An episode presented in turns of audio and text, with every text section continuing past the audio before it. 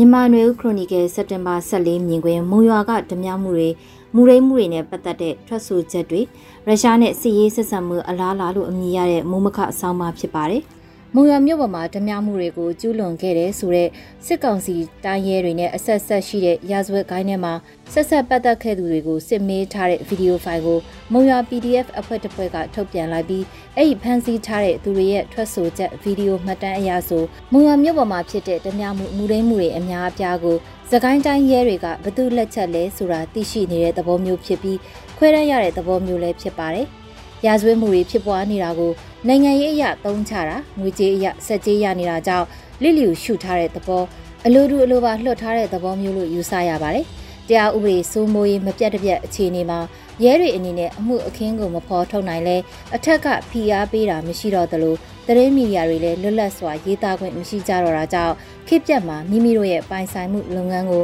မိမိတို့ဘာသာစောင့်ရှောက်ရမယ့်အခြေအနေမျိုးဖြစ်စေပါတယ်။ တစ်ဖက်မှာလက်နက်ကင်တိုက်ခိုက်မှုတွေရဲတွေကိုပြစ်မှတ်ထားလှုပ်ကြံတပ်ဖြတ်မှုတွေဖောက်ခွဲမှုတွေကြောင့်ရာဇဝတ်မှုတွေဓမြမှုတွေလူရဲမှုတွေပစ္စည်းအတွက်တပ်ဖြတ်မှုတွေအထင်းကော်မရှိဖြစ်လာတယ်မတားဆီးနိုင်ဖြစ်လာရတယ်လို့လူအများကိုကောက်ချက်ချရှုမြင်စေခြင်းနဲ့စင်ကြေပေးဝါဒဖြန့်ချီမှုတွေလမ်းကြောင်းလွှဲမှုတွေနဲ့ဆိုရှယ်မီဒီယာမှာဖြန့်ဝေထားကြတာလည်းတွေ့ရပါတယ်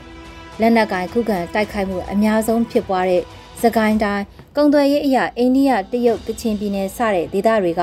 စိုက်ပျိုးရေးထွက်ကုန်တင်ပို့ကုန်တွေကိုဖလှယ်ရာမုံရွာမြို့ဟာစီးပွားရေးလုပ်ငန်းကောင်းမွန်ခဲ့တဲ့မြို့ဖြစ်လို့ငွေကြေးအထိုက်လျောက်ရှိသူတွေခြောင်လဲသူတွေကိုပိုင်လုပ်ငန်းငယ်ပိုင်ရှင်တွေအများအပြားရှိကြတဲ့မြို့ဖြစ်ပါတယ်။အခုလိုခေတ်မပြတ်တပြတ်မှာလူရက်မှုဓမြမှုလူရက်တပ်ဖြတ်မှုလို့ရာဇဝတ်မှုတွေများပြားလာတာဟာအံ့ဩစရာမဟုတ်ပေမဲ့ အခုလိုတရားဥပဒေစိုးမိုးရေးမှာအဓိကတာဝန်ရှိတယ်လို့သတ်မှတ်ထားကြတဲ့ရဲတွေကိုယ်တိုင်ရာဇဝတ်ဂိုင်းတွေကိုစက်ကြေးယူခွင့်ပြုထားကြတဲ့အဖြစ်ကအတော့ကိုရုပ်ဆိုးအကြီးတန်းတဲ့ဖြစ်ပျက်တစ်ခုလည်းဖြစ်ပါတယ်။ဒီနေ့အဖို့နောက်သတင်းတစ်ပုဒ်ကတော့စစ်ကောင်စီခေါင်းဆောင်မြင်းအောင်လိုင်းရုရှားမှာကျင်းပတဲ့အရှေ့ပြစီးပွားရေးဖိုရမ်မှာ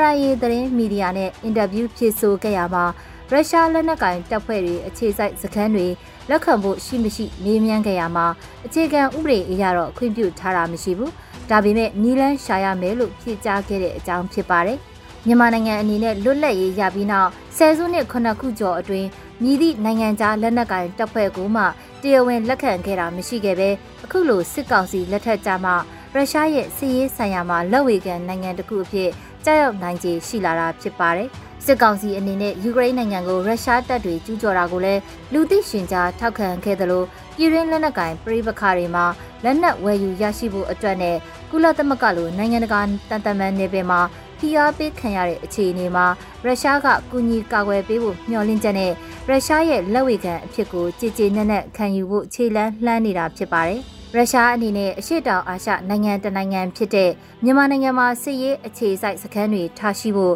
ရည်ရွယ်ချက်ရှိမရှိမသိနိုင်သေးပေမဲ့အာဏာသိမ်းစစ်ကောင်စီကတော့မြန်မာပြည်တွင်းရေးလက်နက်ကိုင်ပဋိပက္ခ